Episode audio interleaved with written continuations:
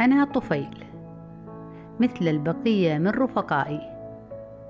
نبحث عن حياة أفضل في البيئة المناسبة لنا سواء في الإنسان أو غيره من الكائنات. نتمنى لنا استمرار البقاء ومقاومة القضاء علينا. فالحياة صراع والبقاء لله وحده.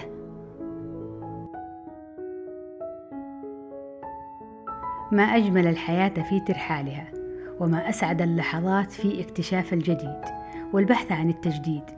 هذا هو شعاري الذي أنهجه طيلة حياتي. أحب أن أتنقل من مكان لآخر. عذرا أقصد من عائل لآخر. إني أجد في ذلك متعة كبيرة وأنا جدا ممتازة فيه. هدفي مع كل مستضيف لي من بني البشر هو إحداث أثر فعال هو ترك بصمة نجاح. ليكون لدي سجل فاخر بالإنجازات. ليس لي فقط ولكن لكل من يأتي من بعدي.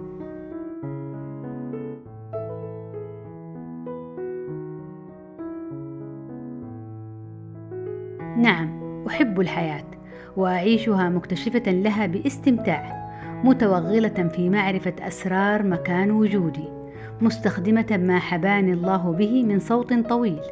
يميزني عن غيري من رفقاء ذات المكان رغم كل ما يعتري حياتي من طرد وتهجير ومن إبعاد وتدمير فإني أظل بصوتي هذا متعلقة بنجاح في مخاطية غليظة عائل المسكين ممتصة به ما أذيب من أنسجة وخلايا يرافقني في رحله المعوية ويشاركني الاستمتاع بالتوغل والامتصاص رفيق دربي وأنيس وحشتي ذاك الذكر الذي يمنحني استمرارا لوجودي بتلقيحي دوما مستخدما شويكته التناسلية المميزة مباركا لي على مضض وضع بويضاتي غير الناضجة والمتميزه بوجود سدادات مخاطية على الطرفين فيما أحقق من مهام متميزة.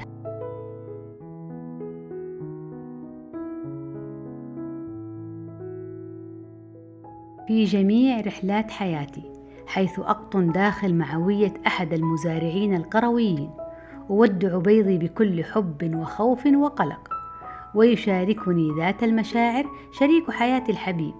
نودعهم ونحن نعلم بأنهم سيصارعون الموت وهم في طريقهم إلى الخارج.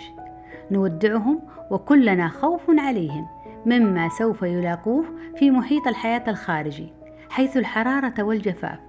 والحموضة والقلوية وحيث الرطوبة والشمس الحارقة. نعم نودعهم ونرجو الله ربنا أن يرعاهم حتى تكتمل فرحتنا ببلوغهم ورؤيتنا لهم مرة أخرى في غليظة الإنسان.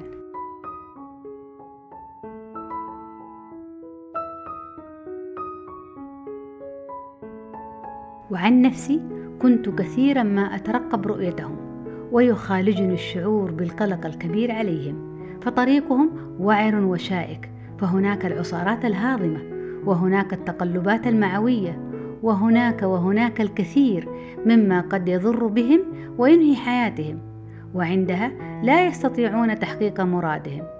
وبعد مدة ليست بالقصيرة قد ينجح بيضي المميز بالنشاط والحيوية فقط ينجح بيضي سعيد الحظ. ذلك الذي يجد طريقه مرة أخرى كي يشاركني ذات المكان وذات المزارع عندما يتناول ذلك القروي بائس الحظ طعاما مكشوفا كما هي عادته دائما دون أي اكتراث وإدراك منه بخطورة ما فعل ودون معرفة لما قد يحوي طعامه من بويضات الحبيبة بين جنباته.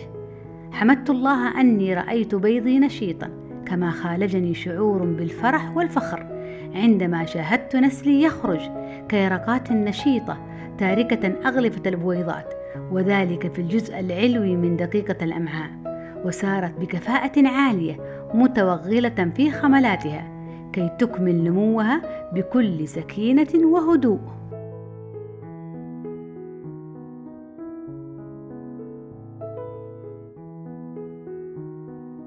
ما أروع أن أجد نسلي المكافح؟ يبلغ ويشتد عوده ويكبر ويصبح مغوارا ضاريا ليعود لي مجددا كي نتشارك سوية في غليظة الأمعاء. لا بل ولينافسني أيضا بجدارة على أداء مهام الحياة بكل إتقان وأن يتصف كذلك بصفاتي المميزة وهي حب الحياة والعيش فيها كما يمتازون أيضا بالبحث عن كل ما يجدد حياتهم وما يبعدهم عن الملل والركود. وكثيرا ما يتحقق أملهم ويكون لنسل ما يريدون وأنا دائما أفخر بهم ولسان حالي يردد زاهيا بإنجازاتهم. من شابه, من شابه أباه, أباه فما ظلم, فما ظلم.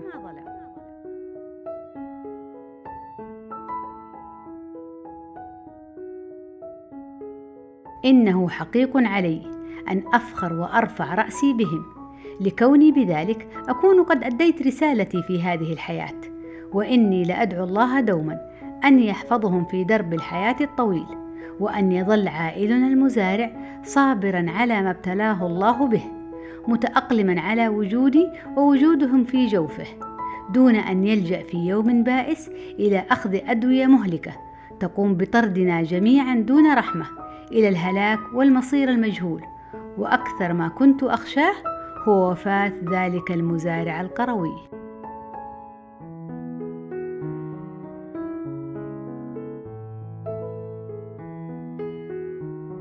وبعد مدة زمنية ليست بالطويلة حدث للأسف ما كنت أحذر منه. فقد كان مصيري وجميع نسلي الفناء دون أن يستعين عائلنا القروي بأي مساعدة طبية تريحه مما أحدثنا له. فقد أمعنا في إيذائه أشد الإيذاء. وسلبناه الراحة والهناء. نعم للأسف. لقد قضينا عليه. لقد قتلناه. وقتلنا أنفسنا معه.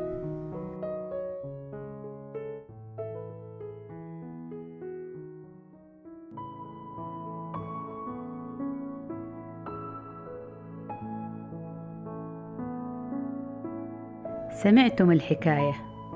وعرفتم الرواية. وكانت النهاية. ويتجدد لقاءنا بكم في قصة طفيلية أخرى. تشد انتباهكم وتستدعي اهتمامكم. دمتم بخير.